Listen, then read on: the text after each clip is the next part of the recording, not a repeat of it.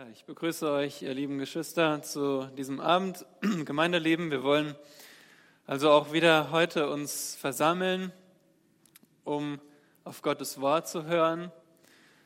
Und ihr Lieben, das Thema ist Christus und seine Gemeinde in Zeiten von Covid-19. Und die Frage, die wir uns als Älteste der Bibelgemeinde Berlin immer wieder stellen, ist, wie geht die Gemeinde Jesu mit den öffentlichen Verordnungen der Obrigkeit zum Infektionsschutz um?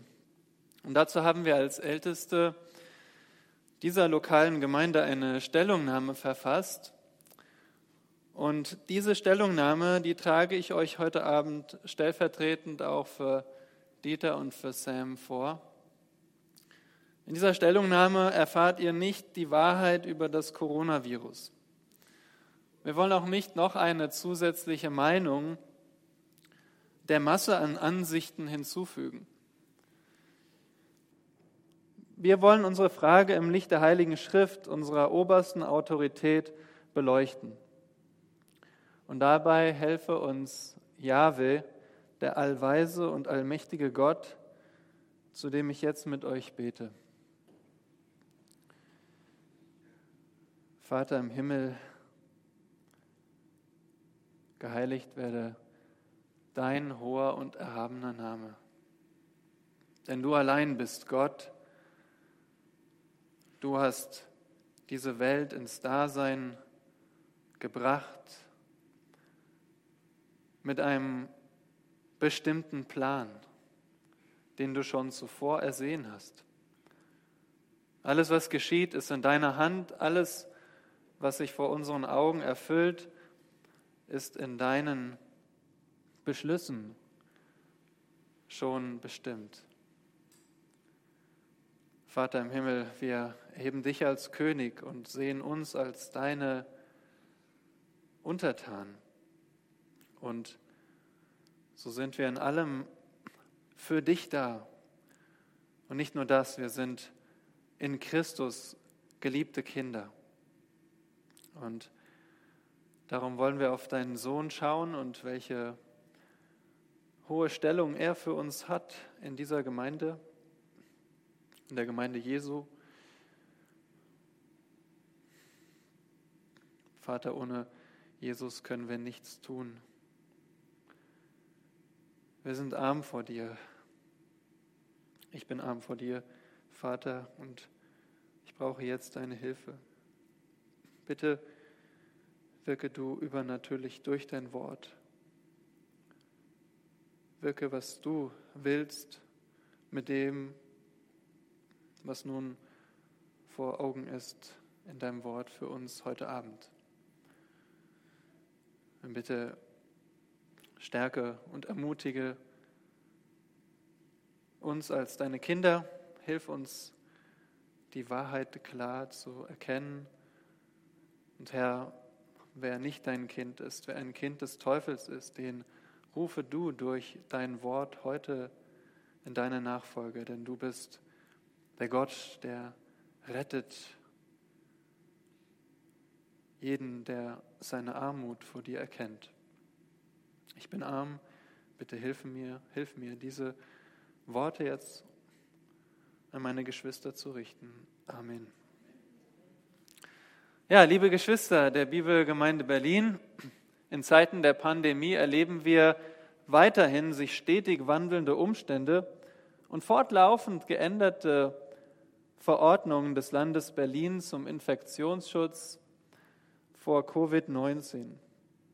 Wie gut, dass Gottes Wahrheit fest und unveränderlich steht. Und dazu gehört unsere solide Grundlage, dass der Herr Jesus Christus das Haupt seiner Gemeinde ist. Auch bei uns in der Bibelgemeinde Berlin. In der Schrift lesen wir, und er hat alles seinen Füßen unterworfen und ihn als Haupt über alles der Gemeinde gegeben. Epheser 1, Vers 22. Denn der Mann ist das Haupt der Frau, wie auch der Christus das Haupt der Gemeinde ist und er ist der Retter des Leibes. Epheser 5, Vers 23. und er ist das Haupt des Leibes, der Gemeinde. Er, der der Anfang ist, der Erstgeborene aus den Toten, damit er in allem der Erste sei. Der von den Toten auferstandene und in den Himmel aufgefahrene Christus ist das Haupt der Gemeinde. Deswegen predigen und lehren wir fortlaufend Christi Wort, die Bibel, und streben danach, es umzusetzen und zu leben.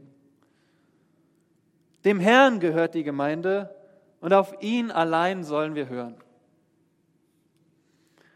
Wir erinnern uns daran, dass die Lehre der Souveränität Jesu Christi über seine Gemeinde eine zentrale Lehre der Reformation war, die im Prinzip solus Christus zusammengefasst ist. Dabei war es der böhmische Vorläufer der Reformatoren, Jan Hus, der bis zu seinem gewaltsamen Tod seinen festen Standpunkt vertrat, dass Christus allein das Haupt der Gemeinde ist. Reformatoren wie Martin Luther entdeckten das schriftliche Erbe eines Jan Hus und wurden selbst dazu motiviert, die unangefochtene Autorität Jesu Christi über die Gemeinde in der Heiligen Schrift nachzuvollziehen. Erst weil allein Christus das Haupt der Gemeinde ist, also solus Christus, darum ist auch allein sein Wort, die Heilige Schrift, maßgebend für die Gemeinde sola scriptura. Und in der Schrift wird das Heil allein aus Gnade durch Glauben zur Ehre Gottes gelehrt. Sola gratia, sola fide und soli deo gloria. Schon immer haben sich wahre Gläubige von ganzem Herzen ihrem himmlischen Haupt, dem Herrn Jesus Christus, hingegeben und dieses grundlegende Prinzip kompromisslos verteidigt. Als Älteste der Gemeinde bestimmt das immer wieder unsere Gedanken. Die Gemeinde gehört dem Herrn. Was will er, dass wir tun? Und darin besteht ja auch unsere Verantwortung als Älteste, unsere Verantwortung in der Gemeinde, nämlich nach Jesu Berufung die praktische geistliche Aufsicht in der Gemeinde auszuüben, eingeschlossen der Fragen, wozu und auf welche Weise sich seine Gemeinde versammelt. In der Schrift lesen wir, so habt nun Acht auf euch selbst und auf die ganze Herde, in welcher der Heilige Geist euch zu Aufsehern gesetzt hat um die Gemeinde Jesu, um die Gemeinde Gottes zu hüten, die er durch sein eigenes Blut erworben hat. Apostelgeschichte 20, Vers 28. Die Ältesten, die unter euch sind, ermahne ich als Mitältester und Zeuge der Leiden des Christus, aber auch als Teilhaber der Herrlichkeit, die offenbart werden soll. Hütet die Herde Gottes bei euch, indem ihr nicht gezwungen, sondern freiwillig Aufsicht übt nicht nach schändlichem Gewinn strebend, sondern mit Hingabe. Nicht als solche, die über das ihnen zugewiesene herrschen, sondern indem ihr Vorbilder der Herde seid. Dann werdet ihr auch, wenn der oberste Hirte offenbar wird, den unverwelklichen Ehrenkranz empfangen. 1. Petrus 5, Verse 1 bis 4 zu Beginn der Pandemie in Deutschland beschlossen wir als Älteste eigenständig, unsere Gemeindeversammlungen auszusetzen und stattdessen auf medialem Wege zu euch zu reden. Dies beschlossen wir noch, bevor eine entsprechende Verordnung der Regierung herausgegeben wurde. Von Anfang an haben wir unsere Verantwortung als Christen gesehen, der Ausbreitung des Coronavirus entgegenzuwirken und zum Infektionsschutz unserer Mitmenschen beizutragen. Sobald unsere Obrigkeit und deren fachlichen Berater Lockerungen für sinnvoll hielten und Gottesdienstversammlungen wieder ermutigten, fuhren wir fort, uns in unseren Räumen zu versammeln. Mittlerweile haben wir mehr als ein halbes Jahr Erfahrung mit der Pandemie. Nach wie vor erleben wir Zeiten, in der die weltliche Obrigkeit auch christliche Gemeindeversammlungen in ihrer Verordnung zur Infektionseindämmung mit einschließt. Und manche von euch fragen sich jetzt vermutlich, was machen nun unsere Wachstumsgruppen, wenn sich nur zwei Haushalte oder ein Haushalt plus fünf weitere Personen treffen dürfen? Wie passt die generelle Verordnungslage zu unserer geplanten Tagung? Wie sollten wir unseren Gesang im Gottesdienst, das Durchführen von Kinderstunden und Miteinander und unser allgemeines Treffen und Miteinander als Geschwister aus Sicht dieser Verordnungen sehen? Was passiert, wenn Gottesdienstversammlungen wieder verboten werden? Generell ruft uns der Herr auf, dass wir uns unserer Obrigkeit unterordnen sollen. Ein zentraler Bibeltext dazu ist Römer Kapitel 13, die Verse 1 bis 7. Nun, eine Regel zum Verstehen der Bibel lautet, du kannst einen Teil nicht ohne das Ganze verstehen. Du musst erst das allgemeine Prinzip verstehen, bevor du die Anwendung begreifen kannst. Was ist das Ganze? Nun, der Römerbrief präsentiert das Evangelium Gottes. Das Evangelium Gottes von der Gerechtigkeit durch Glauben an Christus. Und dieses Evangelium und dieses unverdiente Heil wird gleichermaßen gläubigen Juden und gläubigen Heiden geschenkt.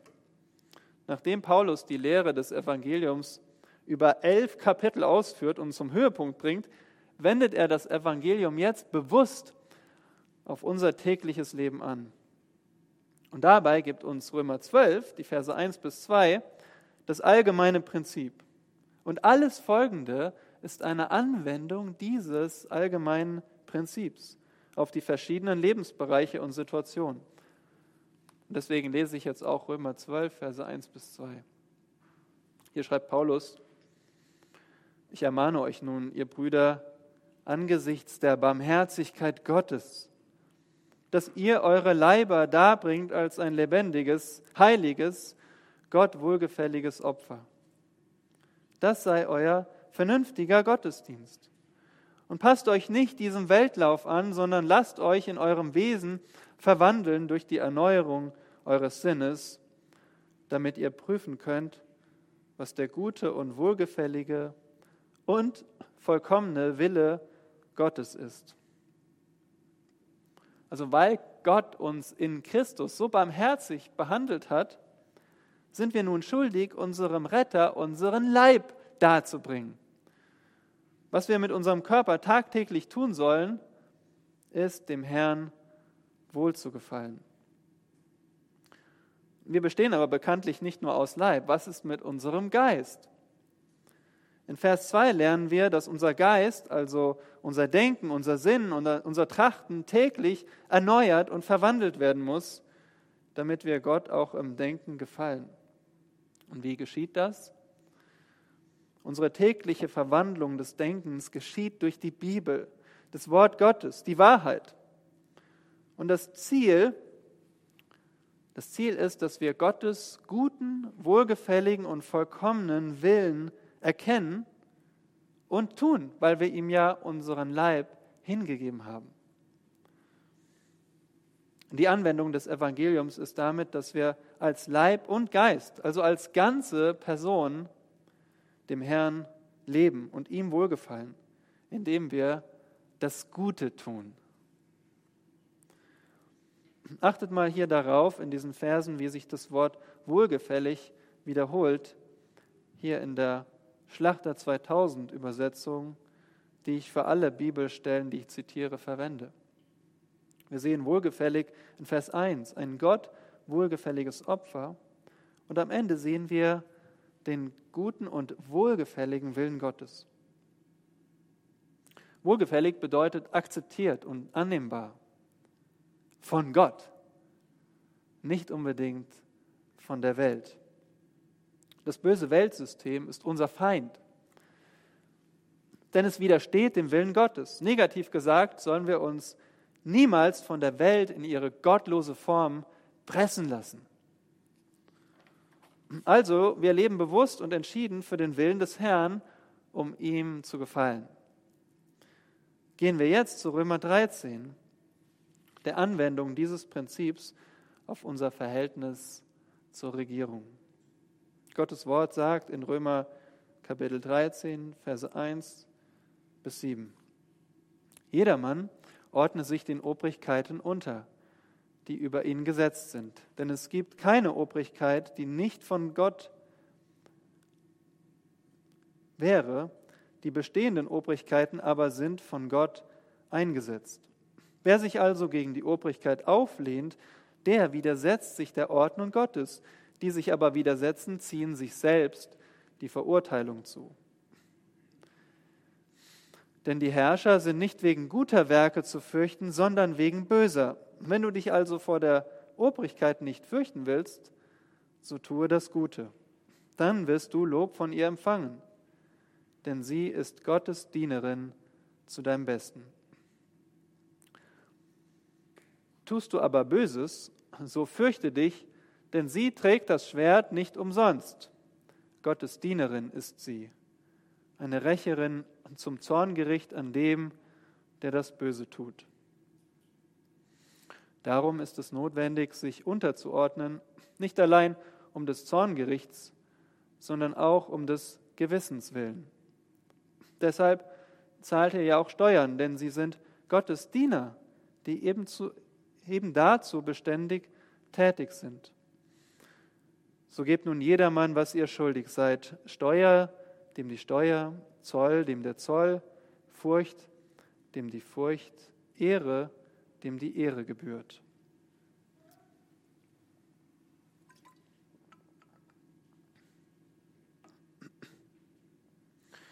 Den Grundsatz der Argumentation finden wir in Vers 1. Jedermann ordne sich den Obrigkeiten unter, die über ihn gesetzt sind. Jeder von uns ist eingeschlossen. Jeder von uns soll sich der Obrigkeit unterordnen, und zwar nicht nur im Handeln, sondern auch in einer willigen und respektvollen Haltung. Wir reden nicht abschätzig und herabschauend über unsere Regierenden. Wir ehren sie, weil sie von Gott eingesetzt wurden. Und darum lehnen wir uns auch nicht gegen die Regierung auf, denn dann würden wir rechtmäßig bestraft werden. Die Verse 3 bis 4 erklären uns den von Gott gegebenen Auftrag der Regierung. Die Regierung ist nicht die höchste Autorität. Gott hat die Regierung eingesetzt und ihr Kompetenz übertragen, damit sie ihm dient. Wie dient die Regierung dem Herrn? Sie dient Gott, indem sie das Gute fördert und das Böse eindämmt.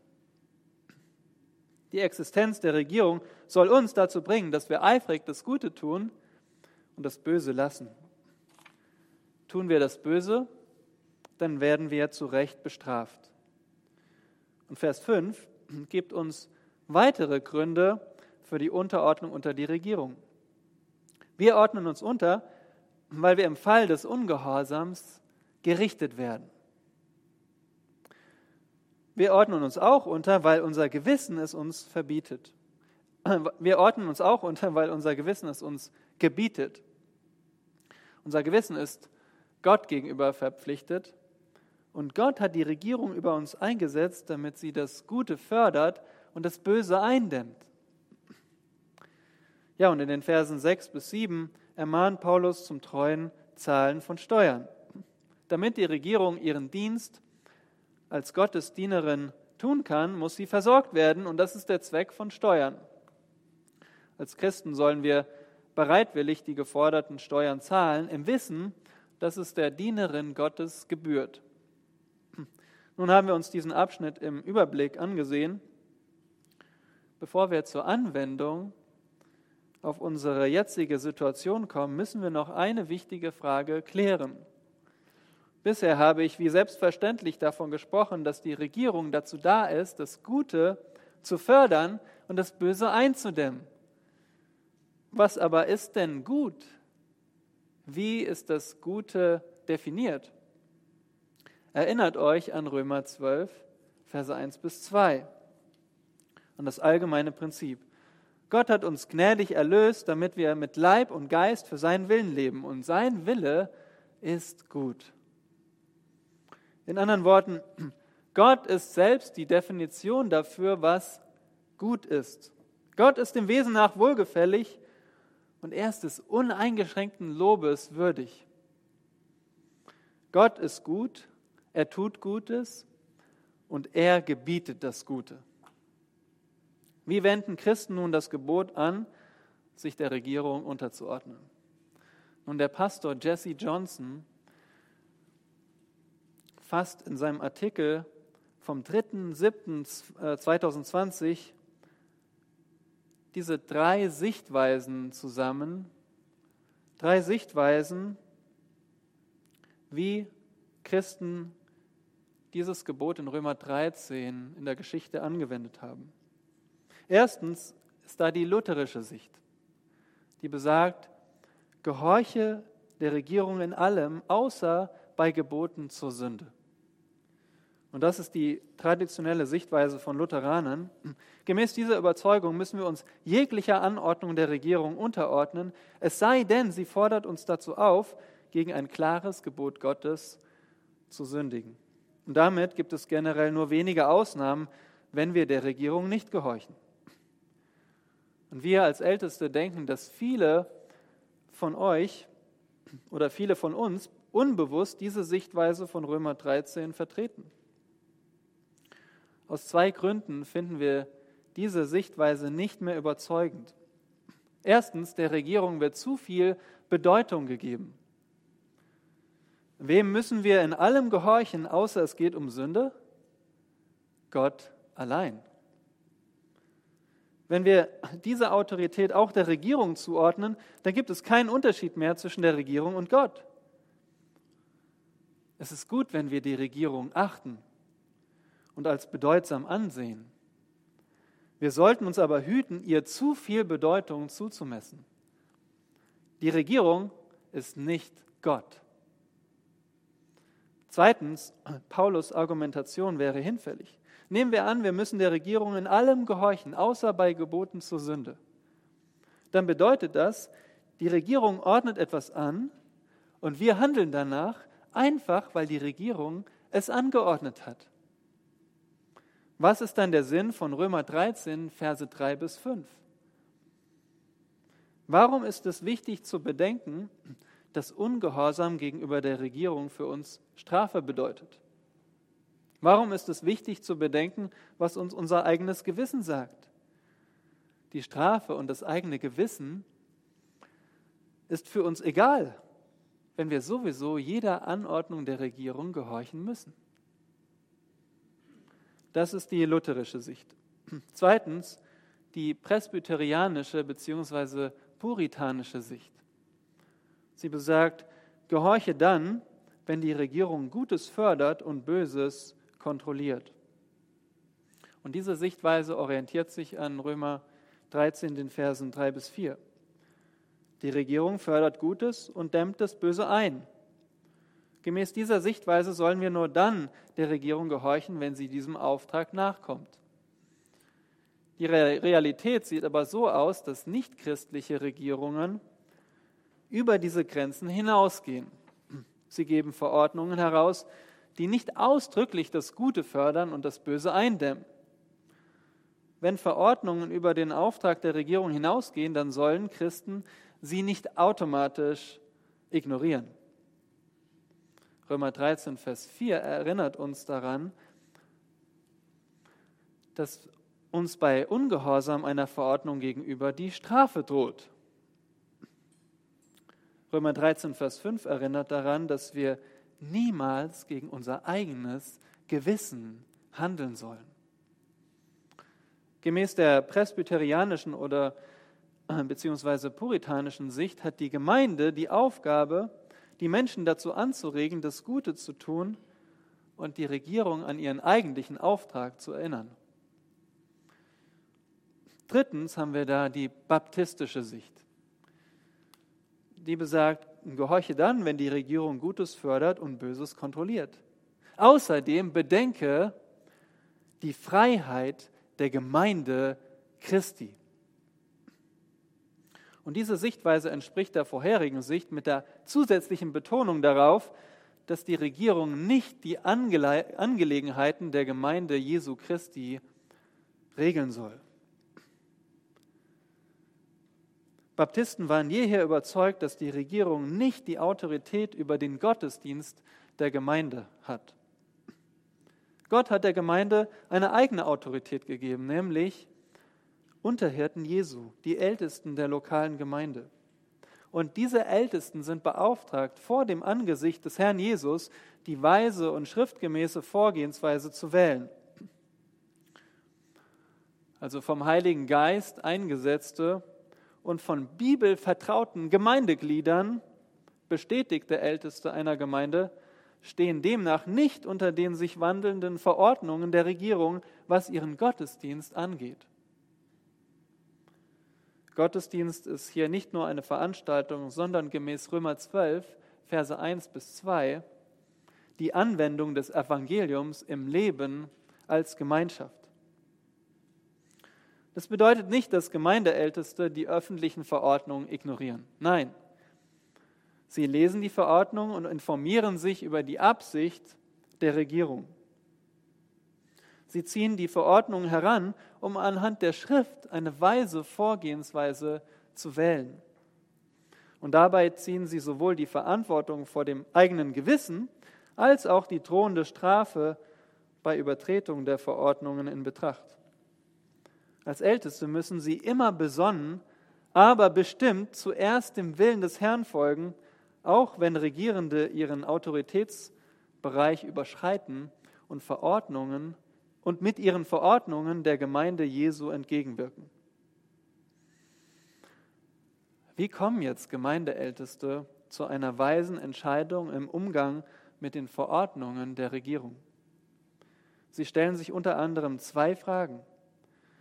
Welche Gründe gibt die Regierung für die Art der Maßnahmen?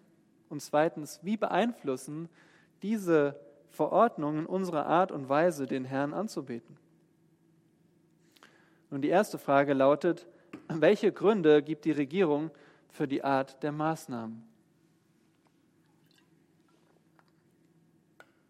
Gemäß dem epidemiologischen Bulletin des von der Regierung immer wieder zu Rate gezogenen Robert Koch Institut, RKI, ist das Ziel der gegenwärtigen Maßnahmen, die Verbreitung der Erkrankung von Covid-19 zu verlangsamen und besonders gefährdete Personen zu schützen.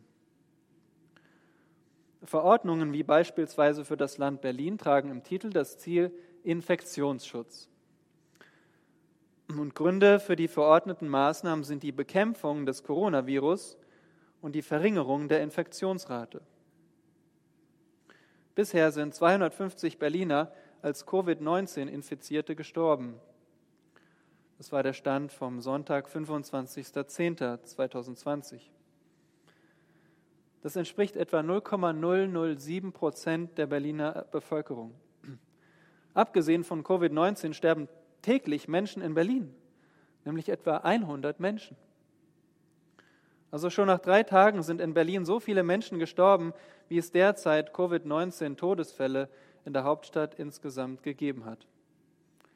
In der Bundesrepublik sind von 434.798 Infizierten bisher 10.041 Menschen gestorben. Das war der Stand vom Sonntag, 25.10.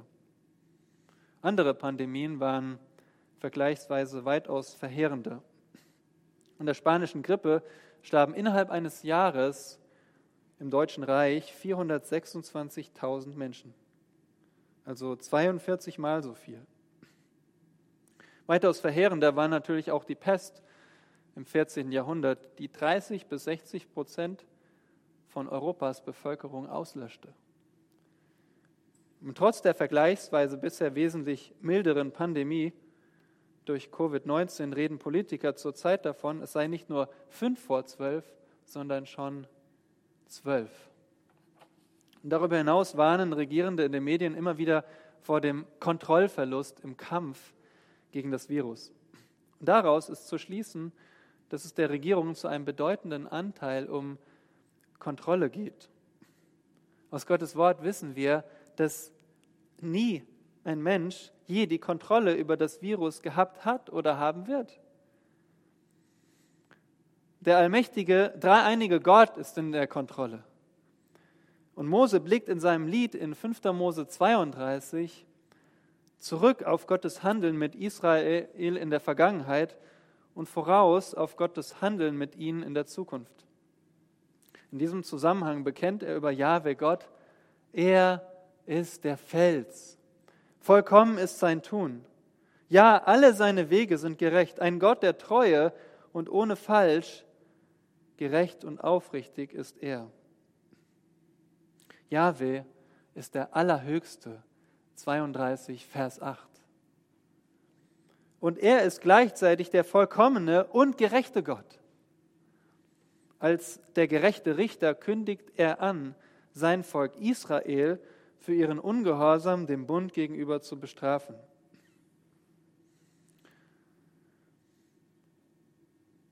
Gottes Wort sagt, ich will Unheil über sie häufen, ich will meine Pfeile gegen sie abschießen.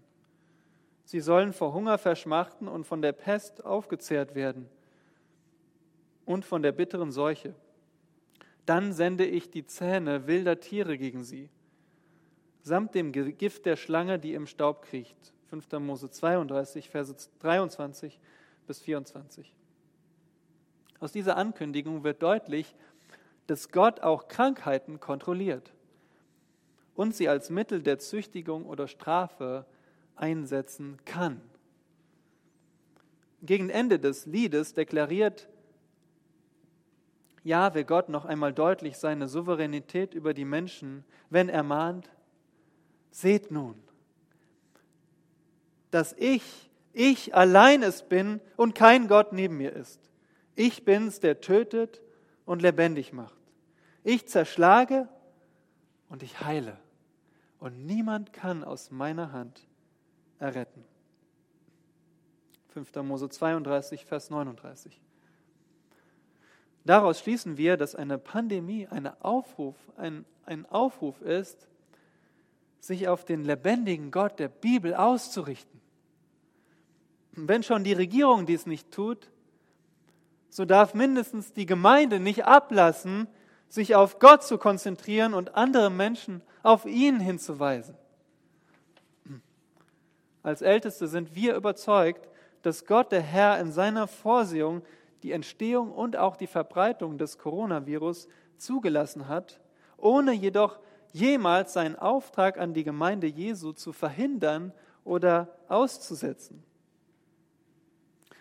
Der Herr will nach wie vor, dass sich seine Gemeinde real versammelt. Hebräer 10, Verse 24 bis 25. Der Herr will nach wie vor, dass seine Gemeinde gemeinsam singt. Epheser 5, Vers 19, Kolosser 3, Vers 16. Der Herr will nach wie vor, dass seine Gemeinde einander grüßt. Römer 16, Vers 16. Der Herr will nach wie vor, dass seine Gemeinde einander besucht. 1. Petrus 4, Vers 9. Der Herr will nach wie vor, dass seine Gemeinde einander dient. Galater 5, Vers 13. Der Herr will nach wie vor, dass seine Gemeinde enge Gemeinschaft ausdrückt. 1. Johannes 1, Vers 3.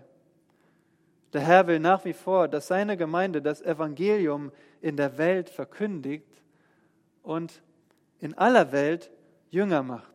Matthäus 28, Vers 19 bis 20. Kommen wir zur zweiten Frage, der wir uns als Gemeindeälteste stellen müssen. Wie beeinflussen die Verordnungen unsere Anbetung und Gottesdienst? Die regelmäßig angepassten sogenannten Infektionsschutzverordnungen zur Bekämpfung des Coronavirus gründen sich auf geltendes Gesetz, nämlich das Infektionsschutzgesetz IFSG in, im BGBL. Damit gilt für uns Christen zunächst der Wille des Herrn, dass wir uns den Bestimmungen der Regierung unterordnen, wie es uns in Römer 13, Vers 1 geboten ist. Sofern die Verordnungen auch auf unsere Gemeindeversammlungen angewendet werden sollen, erinnern wir uns als Christen daran, dass Christus unser Haupt ist und wir zuerst seinen Willen gemäß seinem Wort umsetzen sollen. Wir als eure Gemeindeälteste nehmen die Verordnungen ernst und wir prüfen sie anhand der Heiligen Schrift. Wie die Verordnungen das Gute fördern und das Böse eindämmen. Wir achten auch auf, auf unser an Gottes Wort geeichtem Gewissen und wägen ab, ob wir bereit sind, die Konsequenzen für ein Abweichen von den Verordnungen zu tragen. Und dabei denken wir auch an das Gewissen unserer Gemeindeglieder, die uns anvertraut sind. Das seid ihr. Und wir belehren euch darüber, was die Bibel zu den, zum von den Verordnungen interessierten Thema sagt. Achtet darauf, die Schrift warnt uns davor, ohne Glauben zu handeln und damit gegen unser eigenes Gewissen zu sündigen. Römer, Römer 14, Vers 23. Aus diesem Grund drängen wir unsere geistlichen Geschwister niemals dazu, entgegen ihres Gewissens die Infektionsschutzverordnungen zu übertreten. Wir legen jedem Gemeindeglied ans Herz, die eigenen Überzeugungen an Gottes Wort zu prüfen und das unter Gebet. Direkt nach der Ermahnung zur Unterordnung unter die Obrigkeit folgt im Römerbrief in Kapitel 13, Vers 8 der wichtige Aufruf. Seid niemand etwas schuldig, außer dass ihr einander liebt. Denn wer den anderen liebt, hat das Gesetz erfüllt. Im Zusammenhang der von Gesetzen bestimmten, bestimmte Beziehung des Christen zur Obrigkeit lenkt der Apostel Paulus unser Augenmerk auf die erhabene Stellung der Liebe die in Gottes Wesen entspringende und uns gebotene Liebe ist der Entschluss, das Wohl des Nächsten zu suchen, selbst wenn es Opfer erfordert. Wir beobachten, dass die Welt nicht von dieser Liebe beherrscht wird. Natürlicherweise bestimmt uns das Verlangen nach dem eigenen Vorteil. Und darum müssen die Menschen mit Regeln kontrolliert werden. Die Erfahrung der letzten Monate zeigt, dass in der Welt das Miteinander im Hinblick auf den Infektionsschutz genau geregelt und definiert werden muss. Als Gemeinde haben wir diese Praxis von der Welt zunächst übernommen. Als wiedergeborene Kinder Gottes leben wir aber nicht nach dem bloßen Buchstaben von Regeln. Christen werden nicht durch Regeln kontrolliert, sondern durch Gottes Liebe. Wenn wir, als, wenn wir in der Gemeinde eine Regel befolgen, dann muss das alles überragende Prinzip der Liebe unsere, unser Beweggrund sein. Christen werden seit der Geburtsstunde an ihrer Liebe füreinander erkannt. Der liebevollste Mensch, der je lebte, der Jesus, sagte voraus, Daran wird jedermann erkennen, dass ihr meine Jünger seid, wenn ihr Liebe untereinander habt. Johannes 13, Vers 35.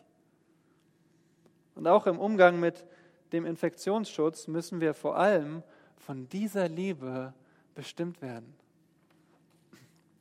Die gelebte Liebe Gottes erfordert jedoch nicht zwingend die uneingeschränkte Anwendung jeglicher Verordnungen zum Infektionsschutz.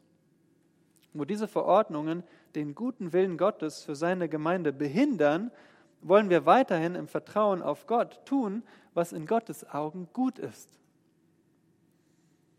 Dazu gehört, dass die Gemeinde Jesu sich real versammelt, gemeinsam singt, einander grüßt, einander besucht, einander dient, enge Gemeinschaft ausdrückt, das Evangelium in der Welt verkündet und Jünger macht. Wenn wir als Gemeinde auf diese Weise den dreieinigen Gott lieben und unsere geistlichen Geschwister lieben, dann lieben wir konsequenterweise auch die Menschen in der Welt. Nur eine Gemeinde, die furchtlos und entschlossen den Willen des himmlischen Herrn auslebt, kann das so notwendige Licht für die Welt sein das die Menschen nicht zur vergänglichen Gesundheit, sondern zum ewigen Heil hinführt. Matthäus 5, Vers 14 bis 16. Indem wir unseren Standpunkt des Gehorsams dem Herrn gegenüber vertreten, führen wir unsere Rolle aus, die Regierung zu erinnern, dass Gott immer noch die höchste Autorität ist. Und dabei verhalten wir uns weder radikal rebellisch noch kommentarlos konform. Stattdessen reflektieren wir den Geist der Infektionsschutzverordnungen durch unser von Liebe bestimmten Handeln. Wir müssen dem Herrn vertrauen, dass bei einer Überprüfung durch die Obrigkeit unsere reine Absicht und unser aus Liebe umsichtiges Handeln offenbar wird. Und aus den ausgeführten Gründen ändern wir ab sofort unsere Verhaltensregeln im Zusammenhang mit der aktuellen Covid-19-Pandemie wie folgt. Neue Verhaltensregeln. Erstens, daran wird jeder Mann erkennen, dass ihr meine Jünger seid, wenn ihr Liebe untereinander habt. Johannes 13, Vers 35. Zweitens, tut nichts aus Selbstsucht oder nichtigem Ehrgeiz, sondern in Demut achte einer den anderen höher als sich selbst. Philippa 2, Vers 3. Drittens, alles nun, was ihr wollt, dass die Leute euch tun sollen, das tut auch ihr ihnen ebenso. Denn dies ist das Gesetz und die Propheten. Matthäus 7, Vers 12. Weitere Regeln. Kommt bitte nicht zum Gottesdienst, wenn ihr krank seid und andere anstecken könntet. Wascht oder desinfiziert euch die Hände, wenn ihr das Gebäude betretet und denkt dabei an den Schutz des anderen. Als Dienst für die Nachverfolgung von Infektionsketten tragen wir uns mit Vorname, Name, Anschrift und Telefonnummer in eine Anwesenheitsliste ein. Die Daten bewahren wir mindestens vier Wochen auf. Für Gemeindeglieder reicht es, die Namen einzutragen. Denkt daran, euch während eures Aufenthalts regelmäßig die Hände zu waschen oder desinfizieren. Zeigt Wertschätzung dafür, dass Gemeindeglieder sich für euer Wohl einsetzen und häufig genutzte Flächen für euch desinfizieren. Respektiert, dass wir durch Lüften der Räume für regelmäßigen Luftaustausch sorgen. Ihr entscheidet, ob ihr eine Mund-Nase-Bedeckung aufzieht.